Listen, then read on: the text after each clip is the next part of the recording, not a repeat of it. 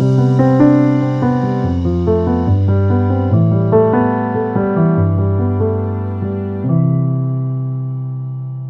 dobry, Marieta Żukowska. Witam w kolejnym odcinku mojego podcastu Równowaga.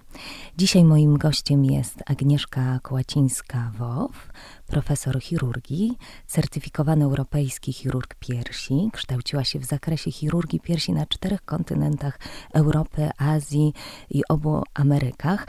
Ale mm, tak Aga prosiła, żeby o sobie napisać, ale ja tu powiem od siebie, że Aga bardzo skromnie to prosiła, żeby o sobie napisać, bo ma na swoim koncie wiele, wiele nagród.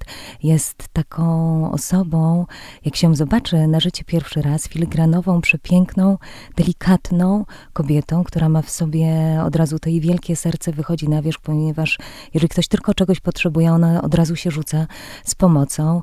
To jest niezwykle wzruszające, ale jest to po prostu taka kobieta petarda, chirurg, który naprawdę ratuje ludzkie życia i która, która właściwie za pierwszy i naj największy cel zawsze sobie daje życie kobiet, to ja bym tak ciebie, Aga, przedstawiła. Dzień dobry. E, dzień dobry, Marietko. O, piękne słowa, dziękuję za tak serdeczne myśli, ale dla mnie zawsze skromność i pokora to są bardzo ważne wartości. Ale ja tu już nie jestem od twojej skromności i pokory, bo e, przynajmniej mnie to napawa wielką dumą, że w gronie Polek jest po prostu taka wspaniała, cudowna kobieta, która po prostu swoją siłą, determinacją, pracowitością potrafiła e, przekraczać najróżniejsze granice. Przecież ty y, zaczęłaś studiować y, w Łodzi i później szłaś jak burza i po prostu nie było dla ciebie przeszków, nie było szklanych sufitów, po prostu taka drobna, maleńka, naprawdę jak cię zobaczyłam pierwszy raz, nie mogłam uwierzyć, że jesteś taką filigranową po prostu istotą, która po prostu, wiesz, przedzierała się przecież przez, y, przez sale operacyjne w Mediolanie, Florencji, gdzie jeszcze, Aga? W Buenos Aires? Tak, ja zawsze chciałam podróżować. Od dziecka miałam globus i mapy geograficzne i pomyślałam sobie, że w przyszłości połączę właśnie chirurgię, medycynę, mm, zdrowie mm, pań pacjentek i podróże. Dlatego realizowałam taki projekt y, Zdrowie piersi, choroby piersi, rak piersi u pań na czterech kontynentach. No właśnie, ale ty jesteś też takim lekarzem, który nie lubi takiego sformułowania walka e, z rakiem. Ty lubisz zupełnie inne sformułowania, ty po prostu wyleczyłeś się. Tak, Wolisz ja nie, tak mówić. Tak, ja, ja w ogóle nie mam narracji. Jestem człowiekiem bardzo spokojnym, łagodnym. Nie lubię takiej narracji wojny militariów i walka z rakiem e, kojarzy mi się bardzo tak e, agresywnie. Ja mówię jako lekarz leczenie, chorych na raka piersi, chorych pań. I zawsze też nie mówię leczenie raka piersi, bo to jest takie zupełnie bezprzedmiotowe. Ja mówię leczenie chorej pani na raka piersi. I nie jest to żadna walka, nie mówimy, że ktoś wygrał, przegrał, bo to też że przegrał z rakiem piersi. To, to stawia znaczy, kogoś tak? E, w pozycji, że rak tutaj jest władcą mm, i rządzi. Y, nie, ja tutaj mówię, że to jest e, leczenie chorej na raka piersi. Oczywiście nie mamy 100% wyleczeń, chociaż teraz w dobie nowoczesnej onkologii u chorych pań na wczesnego raka piersi te wyleczenia są fantastyczne. No właśnie, powiedz o tym, bo wiesz, że ja jeszcze ci przerwę, będę tu bardziej jak taki laik zadawać pytania dlatego że wiesz, kobiety boją się tego, wiesz, sformułowania. To jest jak takie, jak taka, jak takie czarodziejskie zdanie, które po prostu aż wzdrygasz się od tego i dostajesz gęsier skórki, ale powiedz, że rzeczywiście, jeżeli y, będzie ta profilaktyka, czyli jeżeli będziemy chodzić do lekarza i wcześniej wykryjemy y, guza czy raka, okazuje się, że jaka jest skuteczność wyle właśnie wyleczenia. Tak. Zależy od pacjentki oczywiście, tak. ale ja właśnie bardzo myślę, tak jak Marietka powiedziałaś, o tej profilaktyce pierwotnej i wtórnej, czyli profilaktyka pierwotna, aby nie dopuścić do zachorowania, czyli unikanie czynników ryzyka i profilaktyka wtórna, czyli wykryć chorobę we wczesnym e, stadium, kiedy jest najlepiej e, wyleczalna. I staram się promować te wartości i dlatego ja wiem, że każdy z nas, czy to będziemy lekarkami, czy będziemy aktorkami, czy będziemy wykonywać inny zawód, każdy z nas, jeżeli chodzi o zdrowie i życie, nie jest bohaterem, bohaterką i każdy boi się o zdrowie zdrowie i życie. Dlatego ja staram się odczarowywać e, raka trochę jak taka dobra wróżka, ale oczywiście połączone to z mocną ewidencją e, naukową, z badaniami naukowymi i pokazać, że właśnie wykrycie choroby we wczesnym stadium e, powoduje, że wyleczalność jest e, bardzo dobra. I też e, zawsze mam taką narrację życia i piękna życia, afirmacji życia, bo ja kocham życie mm, i zawsze pokazuję paniom pacjentkom, że właśnie na świecie żyje prawie 8 milionów pań, około 7,8 miliona pań, które w ciągu pięciu ostatnich lat wykryto raka piersi, a one żyją i żyją pełną piersią, pełnią życia. Ja nie mam sobie narracji śmierci. Każdy z nas może umrzeć, nawet nie wiem, za chwilę, jutro, z powodu innej choroby, z powodu wypadku, więc też nie ma co popadać w taką e, psychozę, że, że, że umrę. Więc ja raczej e, promuję to życie, że można się wyleczyć i że można potem pięknie żyć, nawet po diagnozie choroby nowotworowej. I to zauważyłam, że też e, powoduje u pań, które przychodzą bardzo czasami smutne, e, kiedy jest postawiona diagnoza. To jest trudny moment i dla pani pacjentki, i dla, dla mnie chirurga piersi, ale jeżeli zaczynamy rozmawiać o tej narracji życia, pokazuję dowody naukowe tak. i też mówię, co możemy potem zrobić, że w procesie rekonwalescencji możemy chociaż, nie wiem, pójść do teatru z tak świetnymi aktorkami jak ty, Marietko, czy możemy zrobić pokaz mody, czy pojechać jakąś piękną podróż, no to e, pojawia się uśmiech na twarzy tych pań i łatwiej im znosić chorobę, a ja jestem takim przewodnikiem, który weźmie tą kobietę e, za rękę i przeprowadzi przez cały proces diagnostyczno-terapeutyczny. No właśnie, to jest myślę najważniejsze, prawda, bo y, ten pierwszy moment jest taki trudny, a nasza psychika jest bardzo połączona z naszym ciałem i wiesz, żeby trafić na taką lekarkę jak ty, jest to, wiesz, no trzeba mieć wielkie szczęście, ponieważ rozmawiałam z innymi kobietami, które są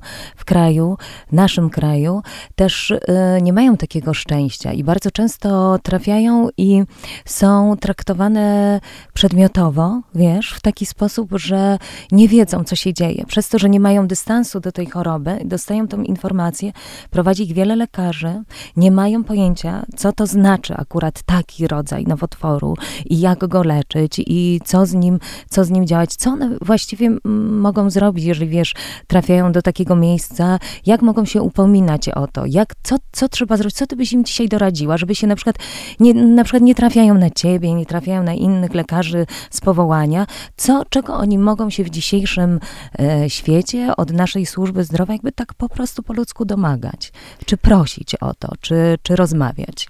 Znaczy, polecam e, na pewno konsultacje w tak zwanych breast e, cancer unit, breast unit e, z języka angielskiego, czyli właśnie tych centrach chorób piersi. To są takie centra referencyjne, które mają mm, taką ideę, misję, że w centrum tego centrum, w centrum czy w sercu tego centrum jest właśnie pani pacjentka, a wokół niej tworzy się tak zwany zespół wielodyscyplinarny e, różnych specjalistów onkologii, chirurgów onkologicznych, rekonstrukcyjnych, onkologów klinicznych, radioterapeutów, specjalistów diagnostyki obrazowej, e, radiologów, e, patomorfologów, którzy rozpoznają raka pod mikroskopem, psychoonkologów, no bo właśnie. to jest y, nie tylko dobrostan fizyczny, ale również psychiczny i społeczny, e, pań pielęgniarek, e, fizjoterapeutów, innych specjalistów i takie wielo, wielodyscyplinarne myślenie, pewna filozofia myślenia sprawia, że jest oferowane leczenie jak najbardziej minimalnie inwazyjne, ale jak najbardziej skuteczne,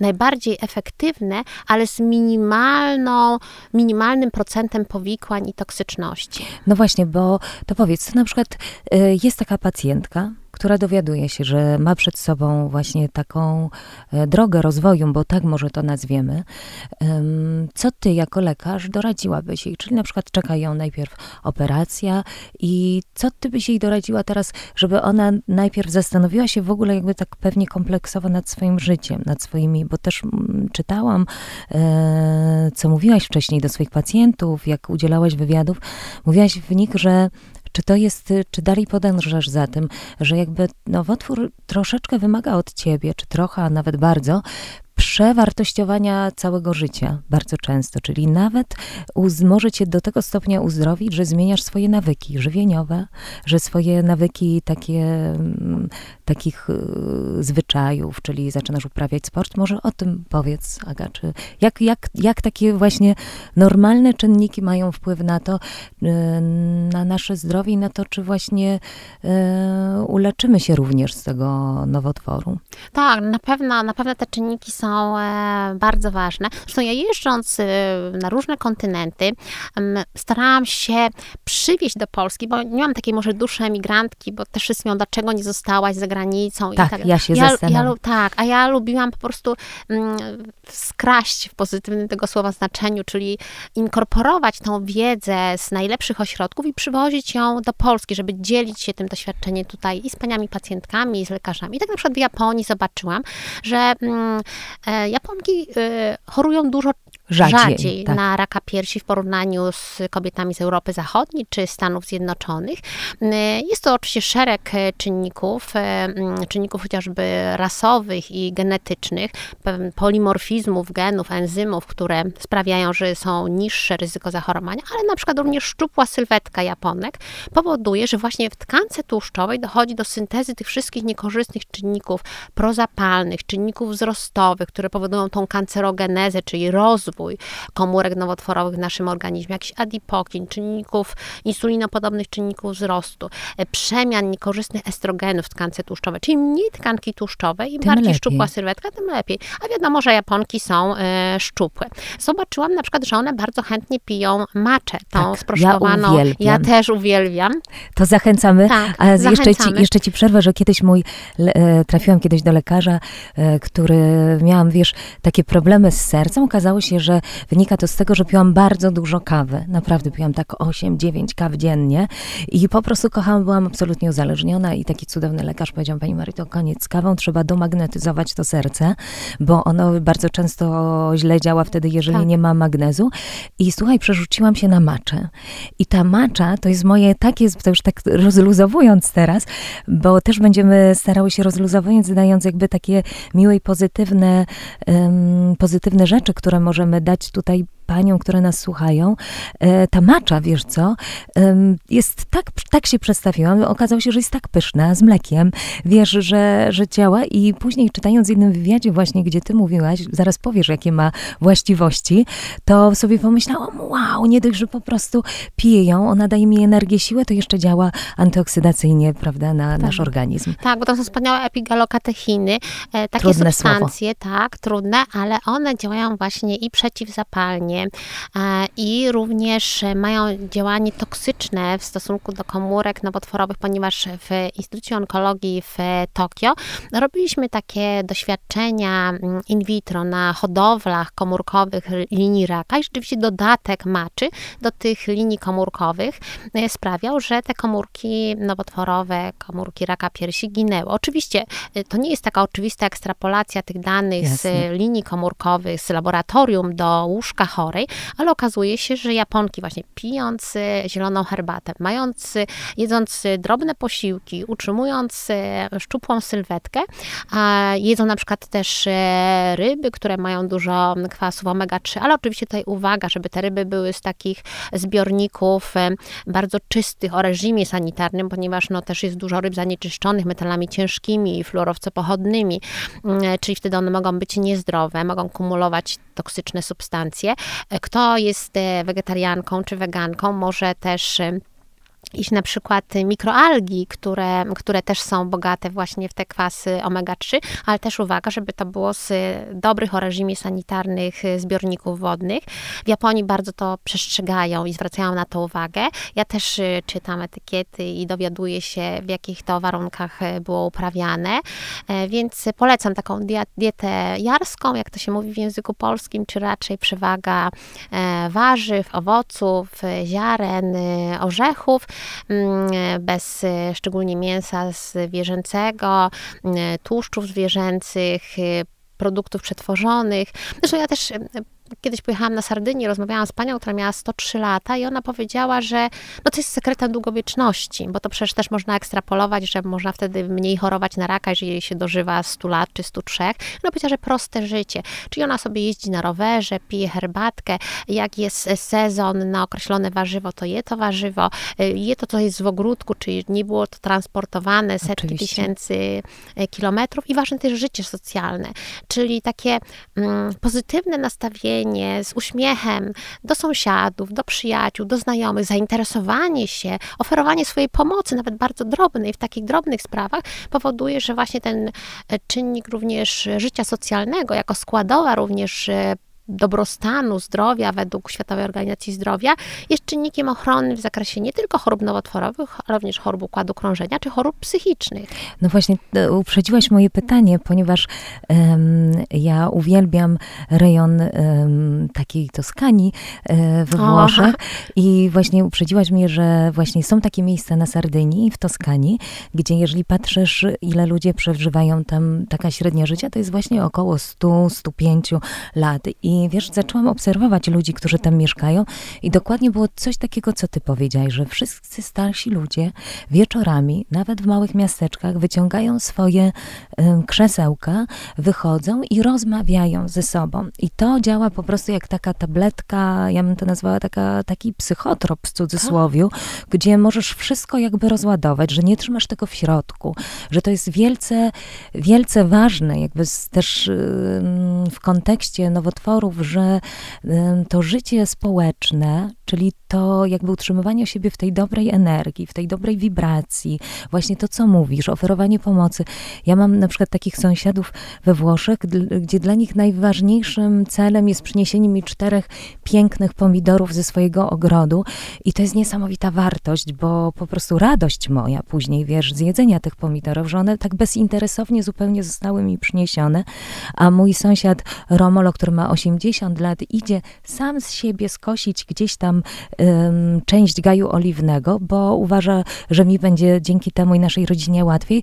To jest coś niesamowitego, bo oni i dostają w zamian dobrą energię i my dostajemy o nich dobrą energię. Dlatego jakby utrzymywanie tej właśnie psychiki w tym dobrym stanie, właśnie nie zatruwanie się, jeszcze raz bym apelowała do tymi czarnymi myślami. One są tutaj, bo wiadomo, że my żyjemy w tym pośpiechu, w tym świecie, ale powiedz, warto jest dbać o to zdrowie nasze psychiczne, bo to łatwo jest też tak mówić, więc o, słuchajcie, no muszą panie zadbać o to, żeby były w dobrym stanie psychicznym i wtedy taka kobieta, wiesz, która nie ma, nie, nie doszła do jeszcze jakiegoś momentu w swoim życiu, ale jak ja mam to zrobić, prawda? I trzeba, i, i gdzie ona, co ona ma zrobić, Aga? Wtedy właśnie jeszcze, że jak dowiaduje się, że ma e, teraz chorobę nowotworową, jak ona ma przeformatować teraz swoje życie?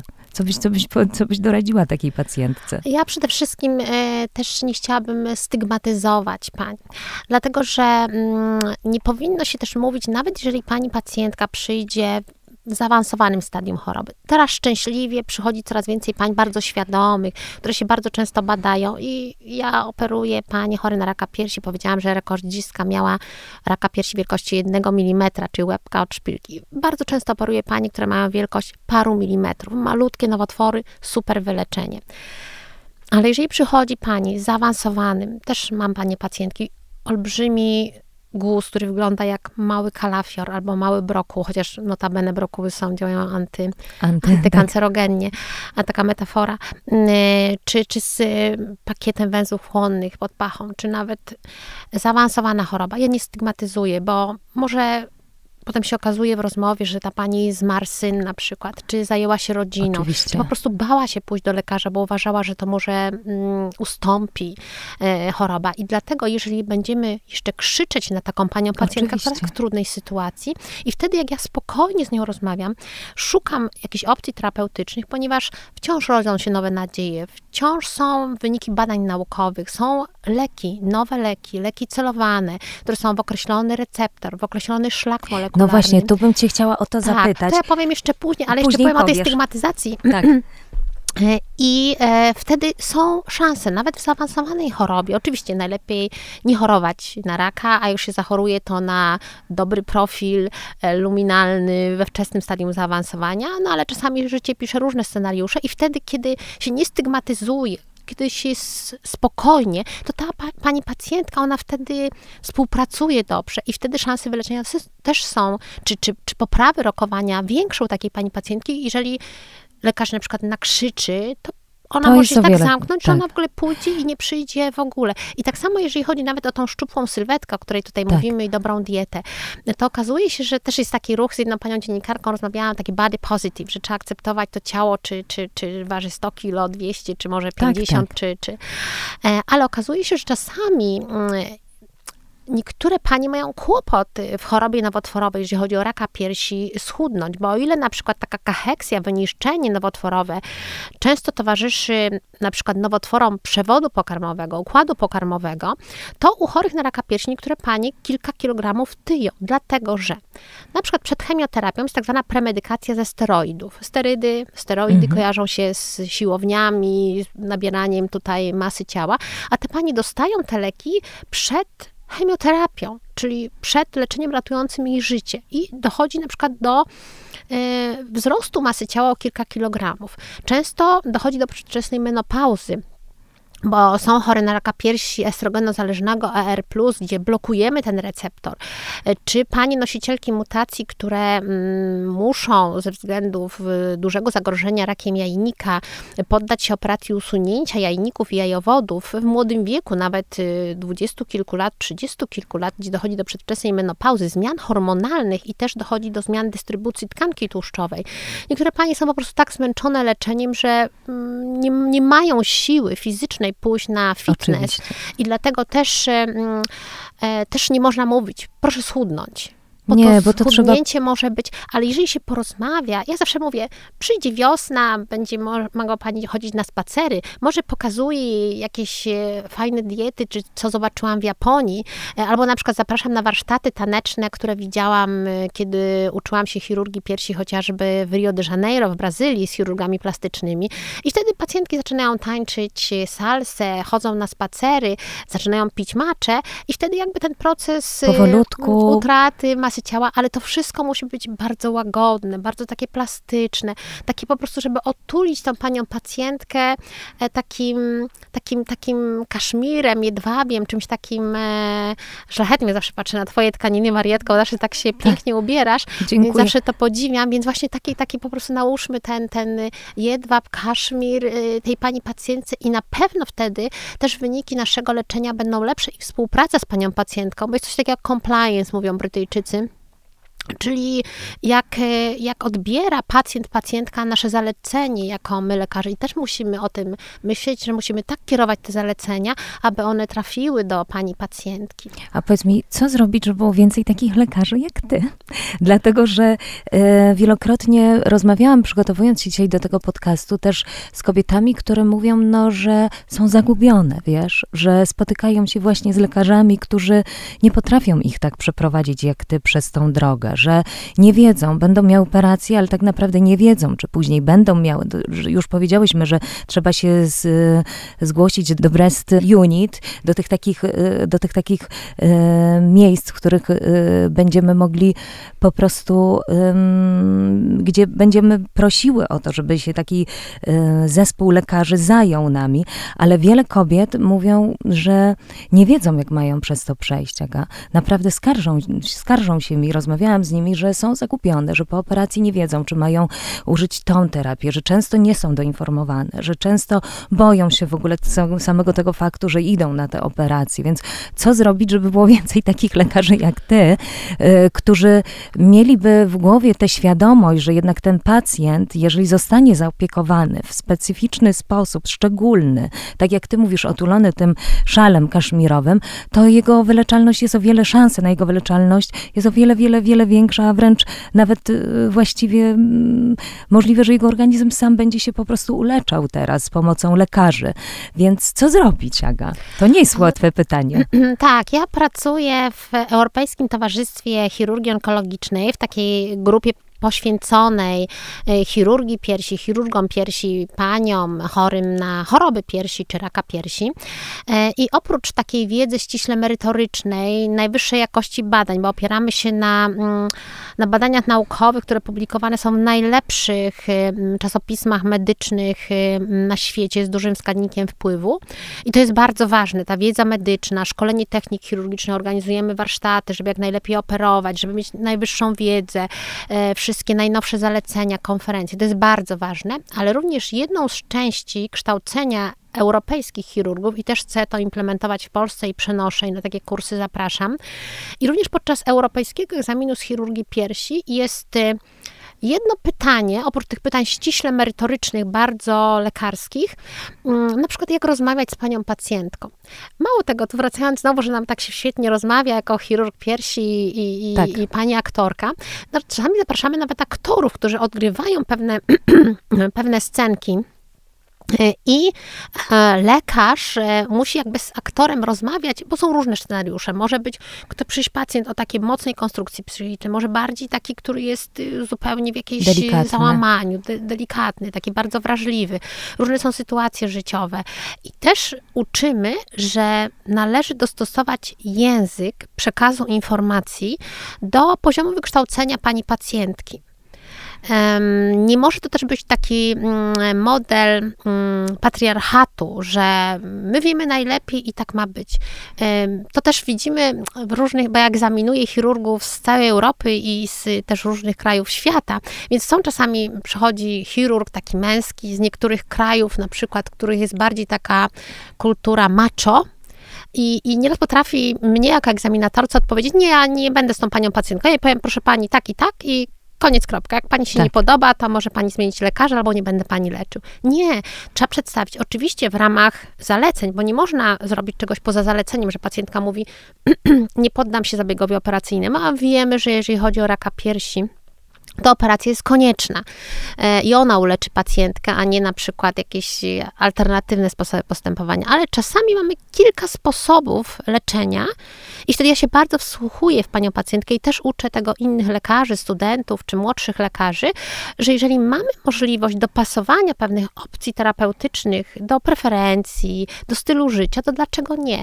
Chociażby dobrym przykładem są rekonstrukcje mm, e, wyniosłości piersiowej po mastektomii. No uwielbiam robić rekonstrukcje, tutaj... tak? Mm. to na przykład są różne rodzaje rekonstrukcji. Są na przykład też y, z użyciem implantów, ale z użyciem tkanek własnych, naszego własnego ciała. No właśnie, bo myślę, tak. że Agusi, jeszcze cię zapytam, zaraz będziesz tak. dużo, dużo o tym mówić. Poczekaj, ja ci jeszcze przerwę, y, bo Aga, jako jedna z pierwszych lekarzy, e, po prostu pro bono robiłaś te pierwsze rekonstrukcje, prawda? Znaczy jest to, wielu moich kolegów, jeszcze mhm. pewnie było moich nauczycieli, którzy jeszcze wcześniej przede mną. Też ale, na, ale na ty pewno, byłaś tak. jednym z tych lekarzy. Dziękuję, ale, ale starałam się bardzo. I wracając do tego właśnie, co możemy zrobić na przykład oferujemy pani mm, rekonstrukcję z użyciem tkanek własnych i można zrobić na przykład po radioterapii taką rekonstrukcję z użyciem mm, tkanek pleców z takiej mięsień najszerszy grzbietu. Nieraz jak widzimy takie kulturystyczne zawody, to widzimy pięknie wyrzeźbione plecy i taki mięsień możemy też użyć e, tutaj do po radioterapii, mm, do pokrycia ekspandera czy implantu,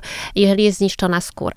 Ale są pani pacjentki, które na przykład namiętnie grają w golfa, tenis, wspinaczkę wysokogórską i wtedy być może że ta blizna na plecach w jakiś sposób będzie, może blokowała ich aktywność. Więc ja się wsłuchuję wtedy i mówię, nie proszę pani, może zrobimy inny rodzaj rekonstrukcji. Są też na przykład rekonstrukcje mikrochirurgiczne z użyciem tkanek okolicy pośladków, ale mam pani, które uwielbiają jazdę konną. Ja też jeżdżę konną, uwielbiam konie, jeździć do stadniny. Jeżeli pani mi mówi, że lubi na przykład jazdę konną, to wtedy pomyślę o innej technice rekonstrukcji, nie robieniu blizny czy pobieraniu tkanek z pośladka, no bo wiadomo, przy jeździe konnej e, praca pośladków jest e, ważna. To jest niby drobiazg, głupotka, bo ktoś powie, no ważne jest zdrowie i życie, może pani nie jeździć konno, może pani nie grać w golfa, w tenis i tak dalej. Ale to są takie drobiazgi, które układają to piękno naszego życia, te wszystkie nasze sporty, pasje, hobby, więc ja, jeżeli mogę zaoferować inny rodzaj zabiegu chirurgicznego, to mówię, dlaczego nie? Czyli Aga, dla mnie tak jak dla laika, rekonstrukcja jest dostępna w Polsce. Tak, jak najbardziej jest dostępna i w ramach Narodowego Funduszu Zdrowia, jeżeli pacjentka jest tylko ubezpieczona, to może poddać się takiemu, takiemu zabiegowi bezpłatnie.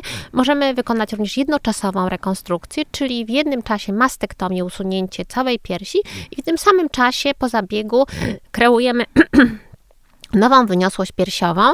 To tak właśnie we Włoszech zawsze widziałam, jak Michał Anioł z marmuru, y, jego rzeźby piękne, na przykład Dawida, albo tak. gdzieś jego tutaj dzieła w kaplicy sykstyńskiej i Florencja i Rzym i pomyślałam sobie, że właśnie ta, ta, ten, ma, to, ten marmur naszego ciała zasługuje na to, żeby po prostu go tak delikatnie traktować, kreować i, i, i, i często naprawiać te mm, szkody, które choroba nowotworowa wyrządziła. Że jest to I możliwe. jednoczasowo tak można, można wykonać e, rekonstrukcję, dlatego pani pacjentka potem może nie tylko cieszyć się zdrowiem i życiem, ale jakością tego życia, założyć piękny dekolt, e, czy kostium kąpielowy, może nawet blizny gdzieś poukrywać, czy pani pacjentka preferuje suknię, sukienkę na przykład z dekoltem V na plecach, czy, czy, e, czy mm, e, nosi inną linię bikini. Więc ja też wsłuchuję się takie nawet drobiazgi i gdzieś jak tak e,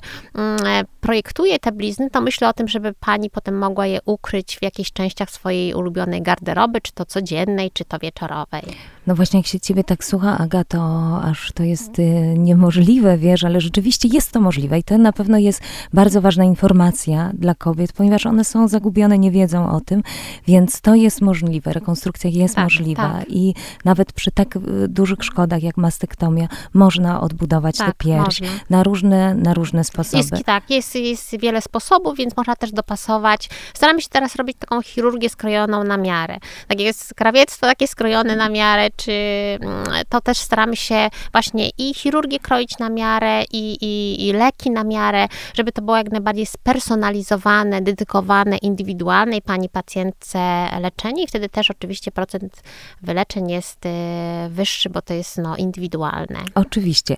Aga, a jeszcze chciałam cię zapytać o e, taką rzecz, czyli reasumując, dowiadujemy się, najlepiej, żeby to był dobry lekarz, który, który nas przeprowadzi przez to, czyli jest właśnie tak, jak mówisz, bo jest szereg tych lekarzy, ale czy powinniśmy mieć takiego jednego lekarza, który na przykład y, jeden nam coś, bo wiesz, bardzo często jak pacjentka jest chora, to jest w takim stresie, że nie jest w stanie zrozumieć często, co mówi do niej, yy, że trzeba taką chemię albo y, terapię hormonalną wprowadzić, albo radioterapię, prawda? Więc teraz pytanie takie, czy powinno się mieć takiego jednego lekarza, który cię tak po prostu jakoś przez to przeprowadzi? Czy to w ogóle jest możliwe? Tak, ten często panie, y, szczególnie w wczesnym stadium choroby, trafiają właśnie do chirurgów, y, do, do poradni. Oczywiście konieczne jest potem odbycie tego konsylium wielodyscyplinarnego wszystkich specjalności onkologicznych. A jak się to robi? Na właściwie większości dużych miast można, jeżeli się wpisze w, do internetu e, Centrum Onkologii czy Instytut Onkologii, to e, pokaże nazwę i ulicę i tam e, zawsze są poradnie chorób piersi. Można się tam zgłosić. Również ja pracuję w zarządzie Polskiego Towarzystwa Chirurgii Onkologicznej. Mamy również swoją stronę internetową i też e, służymy pomocą. Ja też jestem w takiej grupie e, współpracy z paniami pacjentkami. Też tam panie piszą maile, pytają się, mieszkam w takim, w takim mieście, proszę mi doradzić najbliższy Instytut Centrum Onkologii Breast Unit i też chętnie udzielamy takiej pomocy. Często też e, panie proszą o drugą opinię, bo chcą też zastanowić się jednak nad swoją terapią. Oczywiście nie można tego przedłużać w czasie, bo tutaj, jeżeli chodzi o mm, chorych na raka piersi, chodzi też o czas, ale oczywiście w ciągu dwóch, trzech dni można zrobić drugą, drugą opinię, drugą konsultację, żeby to mm, leczenie było jak najbardziej optymalne, więc służymy pomocą i w ramach towarzystwa, i w ramach poradni chorób piersi. Super, to na pewno dzisiaj pod naszym podcastem mm, napiszemy też linki. Tak, tak. Do, żeby kobiety mogły sobie wejść już i wiedzieć, jak się skontaktować e, z wami. A teraz takie pytanie, Aga takie trudne słowa dla mnie. BRCA1, BRCA2. Tak, to są, to są, mówimy tu już o genetyce medycznej, mm, to są skróty od breast cancer, czyli rak e, piersi. E, to są pewne mm, mutacje w genach, które powodują, że wzrasta ryzyko zachorowania u kobiety, zachorowania na raka piersi i raka jajnika. E, często panie nosicielki mutacji BRCA1 czy BRCA2 to są panie, które pochodzą z rodzin, w których mm, dużo mm, pań chorowało na raka piersi, w, na przykład mama, babcia, siostra, e, siostra mamy e, i chorowały często w młodym wieku, poniżej 40 roku życia, poniżej czasami nawet 35 roku życia. Najmłodszą panią, którą operowałam z powodu raka piersi, miała 20 kilka lat. I wtedy jest wskazanie do wykonania tych badań genetycznych. Są jeszcze inne wskazania, jak chociażby wystąpienie potrójnie ujemnego raka piersi.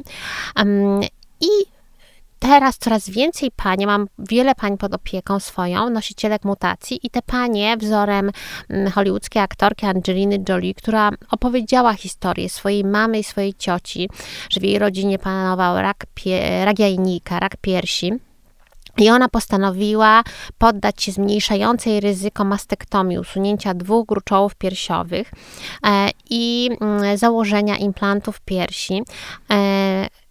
Poddała się usunięciu tych gruczołów, tej mastektomii zmniejszającej ryzyko, żeby zmniejszyć ryzyko zachorowania na raka piersi, bo ono nie zmniejsza się do 100%, ale z ryzyka 80 kilka procent zmniejsza się do wielkości 5, maksymalnie 10%, czyli obniżamy to ryzyko przez ten zabieg zmniejszający ryzyko mastektomii o 90-95% zmniejszamy ryzyko zachorowania, ponieważ jest ono tak duże, że usuwamy de facto w tym momencie zdrowy organ, ale z dużym potencjałem potencjałem, że on za kilka czy kilkanaście lat w, takim, e, w takiej piersi rozwinie się rak piersi, czyli te pani żyją z taką małą bombą zegarową e, w sobie mm, i takie zabiegi no, wykonuje bardzo często. Są tygodnie, że wykonuje więcej zabiegów zmniejszających ryzyko niż u chorych na raka piersi, ponieważ no, coraz więcej pań po tym edytorialu w New York Timesie sprzed lat, y, gdzie Angelina Jolie opowiedziała tą swoją historię, była taką dobrą ambasadorką tak. Mm,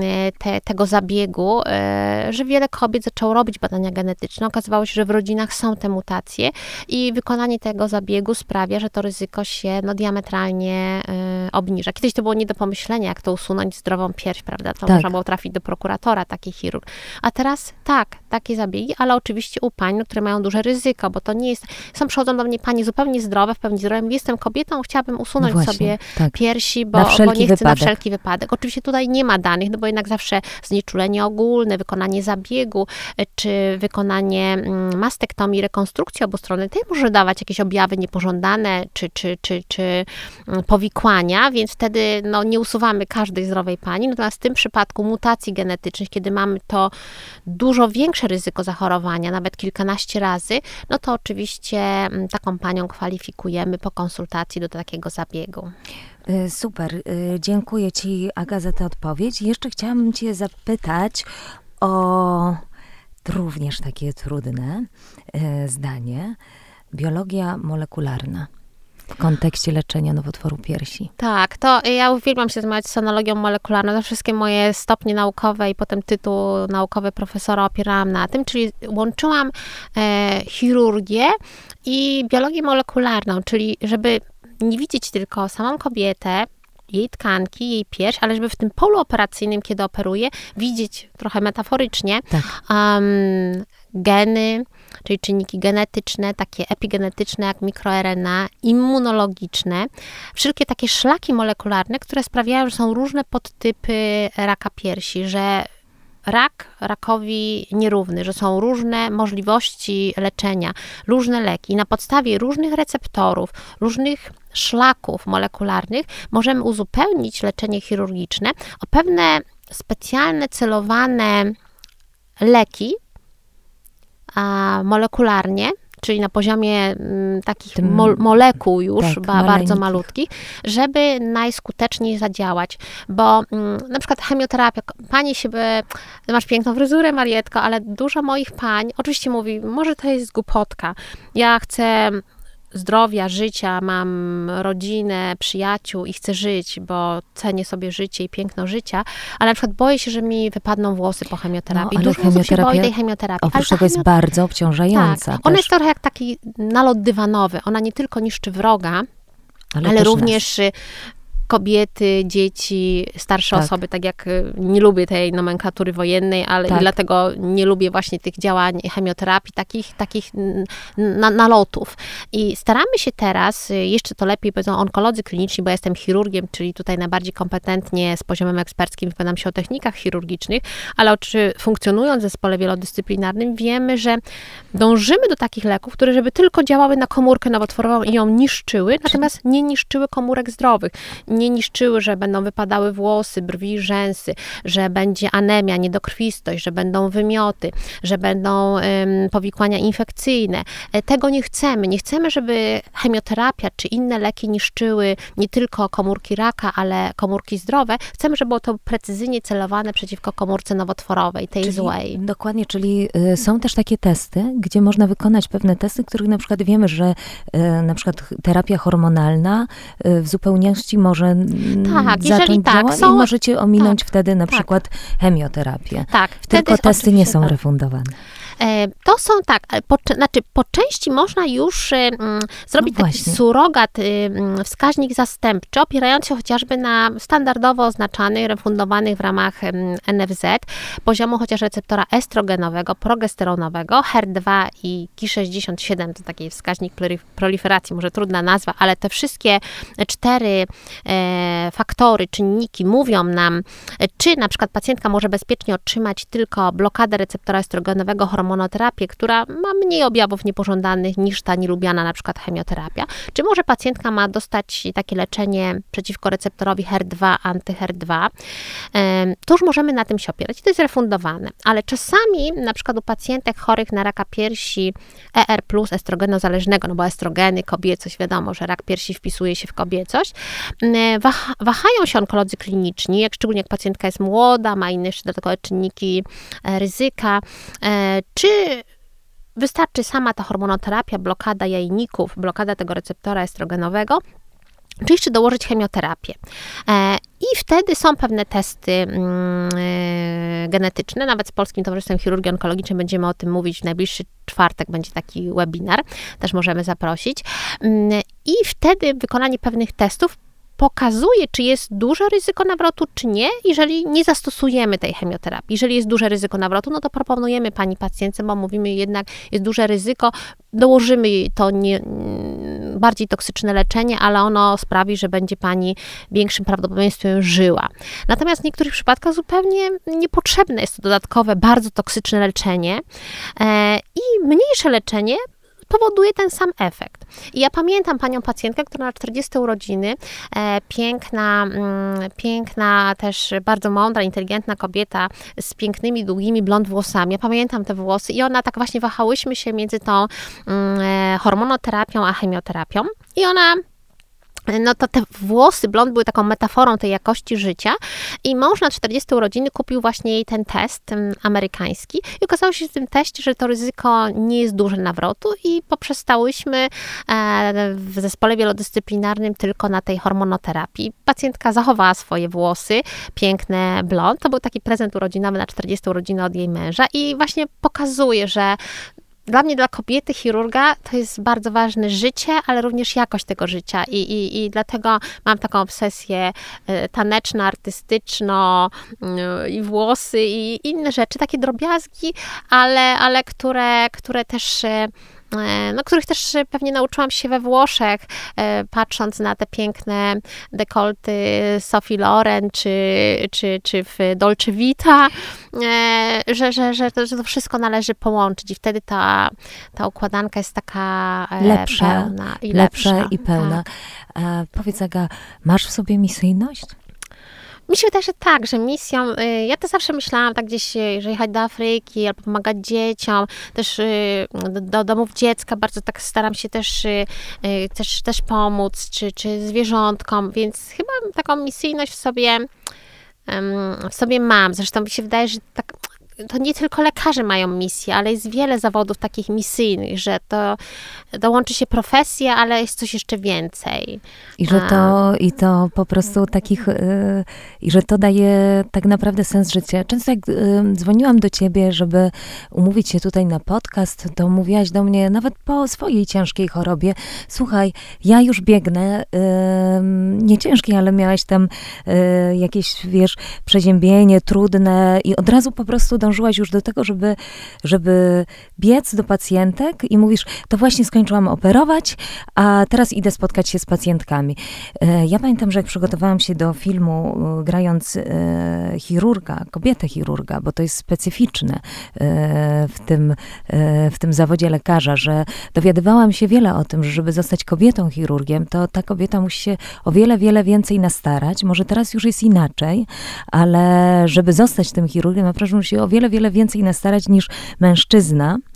I przygotowując się do filmu, grając e, taką postać, postanowiłam, że pójdę na salę operacyjną, że będę uczestniczyła w operacjach, mimo że kiedyś panicznie bałam się krwi. I pierwsza moja operacja była taka, że stałam z boku, z tyłu. Przygotowywali mnie e, lekarze, tylko obserwowałam, e, jak to się wszystko tam wydarza, jaki to jest zespół, jaka to jest jednocześnie taka, wiesz, podskórna adrenalina, wiesz, bo jak was obserwowałam, to wy niby robicie wszystko tak, czasami leci muzyka, czasami rozmawiacie ze sobą, jest anestezjolog, ale były takie momenty przy niektórych operacjach, że mi serce zamierało, bo na przykład coś się działo z pacjentką, musiał zadziałać anestezjolog i w porozumieniu z chirurgiem odbywało się to tylko oczami. E, anestezjolog, chirurg, chirurg, anestezjolog. Ale wiesz, mm, dla mnie taką jedną z najważniejszych rzeczy, takich doświadczeń moich było to, że po tych operacjach ja byłam w takim stopniu, jako aktorka, osoba zupełny laik, po każdej, w każdej kolejnej operacji podchodziłam coraz bliżej i bliżej. I wiesz, i miałam taki moment, że, yy, że to była taka adrenalina, że wchodząc później do taksówki po takiej operacji, tutaj byłam, wiesz, w spięciu, w gotowości, czułam się tak, jakby mnie ktoś uderzył takim wielkim młotem w głowę. I wtedy wyobrażałam sobie, jako wy, jako lekarze, musicie być w tym momencie spięcia, prawda, w tej operacji, no w sumie zahibernetyzowani. Nie idziecie do toalety, nie możecie sobie zrobić przerwy, prawda? To jest ten moment, w którym wy po prostu operujecie i koniec. I powiedz, czy ty dalej masz taką adrenalinę, czy już nauczyłaś się z tym e, jakoś funkcjonować, żyć? No bo pewnie musiałaś jakoś opanować to. A, tak, myślę sobie, znaczy ja nie, nigdy nie lubiłam żadnych sportów ekstremalnych, nigdy nie lubiłam adrenaliny, zawsze lubiłam mieć niskie ciśnienie i takie do tej pory mam. E, oczywiście może to się paradoksalnie nie łączy z chirurgią, która gdzieś tam łączy się z, z taką inwazyjnością i wielkimi emocjami. E, więc ja z, przez może przez y, taniec, przez jakieś wyciszanie, no lasoterapię, chodzenie po lesie i taki kontakt z naturą i, i, i dosyć taki mm, pozytywne podejście do życia. Staram się również tą równowagę, taką łagodność przenosić y, na blok operacyjny. Na pewno trzeba się bardzo dobrze przygotować do zabiegu operacyjnego. Bo jeżeli człowiek jest w miarę pewny tego, co wykonuje, bardzo dużo się kształci, e, no to wie, że w wielu sytuacjach sobie e, poradzi. Więc musi być to bardzo wysoki poziom ekspercki, jeżeli chodzi o mm, chirurgię. I wtedy, no wiem, że w wielu sytuacjach sobie poradzę. Oczywiście mogą być ekstremalnie trudne sytuacje, więc czasami potrzebujemy jeszcze wsparcia całego zespołu, innych kolegów, chirurgów, anestezjologa, czy są jakieś takie, e, jakiś inny układ anatomiczny u pacjentki, coś, co nas może mm, pojawić się w czasie zabiegu, ale im więcej czytamy, e, uczymy się, operujemy, tym mamy e, to doświadczenie, więc staram się wszystko tak, ja też pisałam swoją książkę z Brana anegdotach, że tak. suaviter in modo fortiter in re, czyli zawsze um, łagodnie co do formę, ale mocno co do treści, więc zawsze staram się to wszystko bardzo delikatnie. Staram się też delikatnie traktować z szacunkiem tkanki każdej pani pacjentki, używać bardzo delikatnych narzędzi, bardzo delikatnie, sumiennie preparować i wtedy to powoduje, że idę krok po kroku, więc y, nie, nie robię tak agresywnie, ostro, szarpanych ruchów, że mogę gdzieś uszkodzić jakieś naczynie, nerw. Staram się robić to krok po kroku. Oczywiście wszystko może się zdarzyć, czasami jest jakiś naciek nowotworu, który nacieka, jakieś struktury nerwowo-naczyniowe, czy jakaś bardzo zaawansowana choroba, czy jakaś taka e, anatomicznie coś, coś się dzieje, czy w ogóle coś się dzieje z układem krążenia, czy, czy, czy, czy, czy, mm, czy z panią pacjentką, ale staram się i też tą równowagę znajduję właśnie potem w tym pięknym jakimś tańcu latynoskim, No który tańczę. ty- To wtedy daje mi taką po prostu, że, że przychodzę na salę i staram się też dobrze przygotować, mm, być już na sali wcześniej, robić wszystko, y, porozmawiać długo z panią pacjentką, przeanalizować bardzo sumiennie dokumentację. To minimalizuje. To trochę Ten jak taka stres, checklista prawda? w samolocie, prawda? Tak, tak. Że im się dokładniej wszystko przeanalizuje, tym mniej rzeczy, mo- wszystko może się wydarzyć. Tym mniejszy ale, stres. Tak. Więc Właśnie- y, tak, tak myślę sobie. A sam y, tutaj operating theater, nasz teatr operacyjny jest trochę podobny do teatru aktorów, gdzie też mamy reflektory. Mm, y, Nie do końca jesteśmy aktorką. Jedyną aktorką, bo jest też zespół, tak jak w teatrze.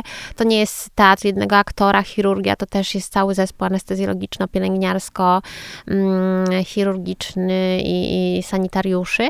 Więc myślę sobie, że, że to jest taka recepta, żeby minimalizować to, Ten tą adrenalinę Tak, i ten stres. minimalizować go, tak jak powiedziałaś, przygotowując się do tego. Tak. Kiedyś tu miałam taki podcast z Zosią Szawernowską, która mówiła, że właśnie ze stresem można sobie radzić tak, że można wcześniej przygotować się do ważnych, trudnych rzeczy, zapisać sobie, że to przygotowanie, to, Tak. to poświęcenie czasu, uwagi, y, pracy danej rzeczy naprawdę może minimalizować stres. A kiedy pomyślałeś sobie, że będziesz chirurgiem? Myślę sobie, że mm, i może chciałam wykonywać jakiś taki zawód bardziej właśnie y, p- ale moja babcia bardzo chciała, żebym była lekarzem, mm, nie tyle może chirurgiem, lekarzem. E, I pamiętam po trzecim roku studiów w Łodzi pojechałam do Holandii, bo też y, dużo wyjeżdżałam na studiach i po studiach, więc część mojej edukacji odbywałam za granicą i w Holandii usłyszałam taką no, wstrząsającą historię dla mnie jako studentki po trzecim roku. I wtedy pomyślałam, że jednak warto być lekarzem i chcę być lekarzem. A, czy kiedykolwiek jeszcze zagram w golfa? I to była historia pani pacjentki chorej na raka piersi z przyrzutami do kości. Wtedy jeszcze nie było mm, tak. E, dobrych leków i tak precyzyjnie celowanych mamy obecnie. Cały czas ta nauka przecież się rozwija. I ta pani zapytała swojego onkologa, mm, czy kiedykolwiek jeszcze zagram w golfa, będąc przykuta do łóżka z powodu licznych przyrzutów do kości. I onkolog jej odpowiedział, że, że nie, że nie zagra w golfa. A dla niej golf był metaforą jakości życia. A, I wtedy ona powiedziała, że mm, to w takim razie ona nie chce już dłużej żyć, a w Holandii to jest jeden z niewielu krajów europejskich, Eutanazja, tak. że właśnie jest takie suicide, że mm, jest eutanazja. Oczywiście musi być spełnione kryteria a propos y, zwrócenia się do lekarzy, do prokuratury, żeby to wszystko było, miało ramy takie medyczno-prawne, ale mnie jako studentkę trzeciego roku i jeszcze do, cały czas do tej pory afirmującą życie, y, to było tak dla mnie wstrząsające, te, te, że pani poprosiła o eutanazję, że ja wtedy obiecałam sobie, że będę, że chcę być lekarzem, będę lekarką i będę ratować życie chorych na, mm, na raka piersi pań. E, Myślałam początkowo może o onkologii klinicznej, ale pomyślałam sobie, że właśnie e, chirurgia jest taką jeszcze bardziej optymistyczną jeszcze, bo to cho- chore na wczesnego raka piersi, bo jeżeli możemy wykonać zabieg chirurgiczny, to choroba musi być bardzo ograniczona. Więc pomyślałam sobie o, o chirurgii, potem pomyślałam sobie, może to są właśnie, że kobiety, że może nie chirurgia nie dla kobiet i tak dalej. Pojechałam potem do Kopenhagi, tam po raz pierwszy w życiu myłam się na bloku operacyjnym, właśnie to była akurat operacja przepukliny u ma, małego chłopca, ale tak mnie to wciągnęło potem, że pomyślałam sobie, że będę e, chirurgiem, e, mimo że to może początkowo był męski zawód, teraz już jest dużo więcej Już kobiet. dużo jest więcej, E, To profesor Lud- Ludwik Rydygier, który był przeciwny kobietom w chirurgii, pewnie teraz by może zmienił zdanie. Wybitny chirurg. E, mm, I teraz dużo kobiet w chirurgii, świetnie sobie radzą. Mało tego, ja uwielbiam pracować z kobietami, więc bardzo sobie cenię moje koleżanki mm, chirurg. No i tak się zaczęła ta historia właśnie, że obiecałam sobie, że będę ratować te panie, no i mam nadzieję, że, że udaje mi się cząstkę życia tchnąć w moje panie pacjentki. Na pewno, na pewno, Aga. I mam do ciebie jeszcze takie pytanie, ale też em, pamiętam takie zdanie, które powiedział kiedyś profesor Wronkowski. E, jak wchodziły do niego pacjentki e, właśnie z różnymi problemami w piersiach i nie tylko, e, mówił na wstępie, jak one wchodziły do gabinetu, jest pani zdrowa. Pierwsze co? E, starał się po prostu zaczarować rzeczywistość e, swoim optymizmem, swoim nastawieniem, swoim takim podejściem do, do pacjentki. Widzę, że ty też e, zaczarowujesz rzeczywistość i idzie ci dobrze, idzie ci świetnie, idzie ci skutecznie, ale też rozmawiałyśmy o tym, że o tym nastawieniu w, w leczeniu nowotwora, o tym nastawieniu do, do nas, też do szacunku do naszego ciała, czyli o tej diecie, która nie jest tylko taką dietą, która jest potrzebna, żeby, żebyśmy pięknie też wyglądały, ale żebyśmy miały szacunek do tego nasze, naszego ciała, żebyśmy o nie dbały. Czy o tym, co ty mówisz, że o tej lasoterapii, czy o tańcu latynoskim, o tym, że możemy e, zadbać o siebie, tak po prostu, jako kobiety, e, zatroszczyć się o swoje ciało, o swoje osoby, o swojego ducha i tak jak mówisz, pięknie żyć, czyli nawet z tych takich e, rzeczy, czy z diagnoz, które wydają się jak taka jedna wielka czarna dziura, możemy znaleźć kolorowe światło, jasność i, i wyjść z tego wszystkiego. Ja mam w moim otoczeniu bardzo bliskim kobietę, która jest dla mnie taką no, niesamowitą bohaterką, bo ona zachorowała na nowotwór piersi w wieku 40 lat, bardzo dużo paliła. I to zmieniło jej absolutne, absolutnie życie, zmieniła swoje nawyki i mm, doprowadziło, to było lata temu, to było 40, około 40, nawet 40 y, lat temu miała mastektomię piersi i ma już ponad 80 lat teraz. Jest niesamowitą torpedą wiesz, y, taką rakietą, pełną życia. Jak ja z nią rozmawiam bardzo często, to aż nie mogę uwierzyć w to, że to 80-latka, która wiesz, 40 lat temu przeszła mastektomię piersi, żyje, tak funkcjonuje, tak ogarnia rzeczywistość i potrafi, i, i, i tyle, zobacz, przeżyła tyle przeżyła i to jest dla mnie takie zawsze bohaterka też, że można, że da się i że to nie jest, że trzeba po prostu e, znaleźć osoby, zatroszczyć się o siebie, dobrych lekarzy i po prostu mieć nadzieję, że wszystko będzie dobrze i że się, i że będziemy zdrowe. Tak, tak, myślę, myślę, że tak, to jest dobre zakończenie naszego, naszego podcastu i myślę sobie tak, jak e, zawsze mówimy, że szlachetne zdrowie nikt się nie dowie, jak smakujesz, aż się zepsujesz, to właśnie zdrowie jest takim luksusem. Ja wracając do tych naszych ukochanych Włoch, kiedyś rozmawiałam z, mm, z właścicielami e, firmy samochodowej mm, na F, takich mhm. pięknych, czerwonych samochodów i tak. oni właśnie zapytali mi się, co ja robię, zaczęłam opowiadać o swojej pracy, e, chociaż też pamiętam jak w zapachu kobiety, kobiecość i, i, i auta, to pomyślałam sobie, że właśnie luksusem i oni też tak stwierdzili, że luksusem nie jest luksusowy samochód, tylko nie. luksusem jest właśnie to, to zdrowie i wszystkim paniom e, tego życzę, tej mocnej ewidencji naukowej, medycznej, ale również e, ta medycyna jest wieloaspektowa, więc jeszcze te inne czynniki, czy nawet ten proces rekonwalescencji właśnie tej artyterapii, terapii sztuką po tym trudnym leczeniu onkologicznym na pewno jest e, pomocny, także na pewno przyjdziemy do teatru. Tak, ale ja bym jeszcze chciała powiedzieć o branegdotach twoich. O, to super, to, e, tak, bo to jest tak. Bo to jest książka, którą napisałaś. Opowiedz o niej jeszcze, bo jeszcze ja myślę, że kto nas będzie chciał słuchać, to nas będzie słuchać, mimo że już jest godzina.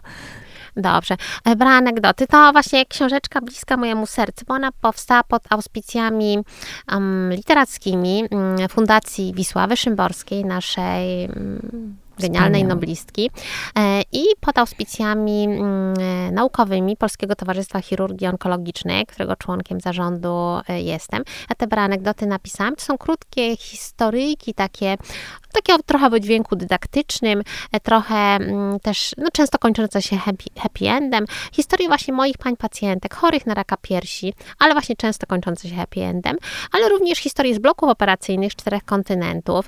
Takie trochę fuzja chirurgii, piersi i, mm, i sztuki.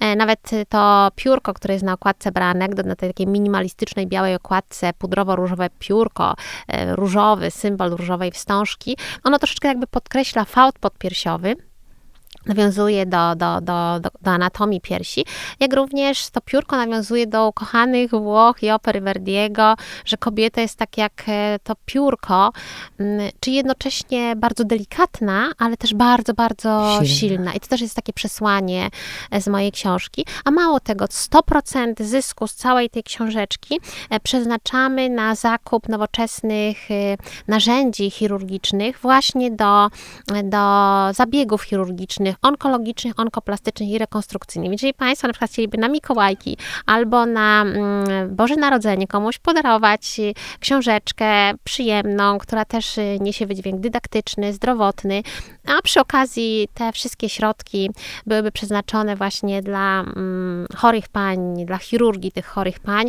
no to bardzo z całym sercem jako chirurg piersi e, polecam tą książkę i opłata jest dobrowolna, e, każdy datek się liczy nie ma ceny, więc y, i cały dochód będzie przeznaczony na ten charytatywny cel. To na pewno damy link też do, do książki, a na koniec, bo jeszcze nie chcę cię wcale puścić z tego Dobrze. studia, bo tak mówisz, jestem trochę zaczarowana. Jak, powiedz twoja, na koniec już tak, bo bardzo mnie to ciekawi, twoja ulubiona bajka. O kopciuszku chyba, e, dlatego że mm, ja mam w ogóle naturę kopciuszka, lubię się położyć e, spać przed północą, um, co jest zdrowe też. Bardzo, też są dziesiąta, takie, trzeba chodzić spać. Tak, bo są, e, są geny takie zegarowe, nawet recenzowałam ostatnio taką pracę doktorską, tak. które są powiązane, że na przykład kobiety, które pracują w ciągu nocy, oczywiście są takie zawody, że, że trzeba muszą. wykonywać pracę nocną, bo świat by się rozsypał, ale też mogą być bardziej narażone właśnie na choroby nowotworowe, bo są pewne takie właśnie czy rytmy wydzielania dobowego pewnych hormonów, czy, czy, czy geny tak zegarowe, więc ten sen jest y, bardzo mm, ważny. E, I zawsze mi się kojarzy właśnie ten e, bucik. Ja oczywiście na bloku operacyjnym mamy takie brzydkie buty operacyjne, więc dlatego też e, potem lubię jakieś mieć przyjemne butki, też Włochy mi się z tym kojarzą. No i Kopciuszek jakoś taką ma, mm, jak gdzieś tam też taką precyzję swojego działania, kiedy tam z tymi siostrami gdzieś musiał wybierać z popielnika. A to mi się też trochę kojarzy z taką precyzją chirurgiczną, że czasami musimy taką mieć pracę precyzyjną, więc Kopciuszek chyba mi jest bliski. I że można odmienić coś, co jest złe, w coś tak, pięknego. To piękna puenta, piękna metafora. Tak. Aga, dziękuję Ci bardzo. Życzę wszystkim paniom, które nas tutaj słuchały i e, czy są zdrowe, czy właśnie zachorowały, a wierzymy w to bardzo mocno, że za chwilę wyzdrowią, żeby, ja życzę, żeby trafił na ciebie i na takich lekarzy. Tego życzę nam. No, jest wielu wspaniałych lekarzy, także tak. życzymy sobie wszyscy Żeby trafili zdrowia. na fajnych lekarzy, którzy ich poprowadzą za rękę przez takie doświadczenie w ich życiu. Dziękujemy. Dziękuję. Dziękuję Ci bardzo i, i dziękuję Wam, że nas dzisiaj wysłuchaliście.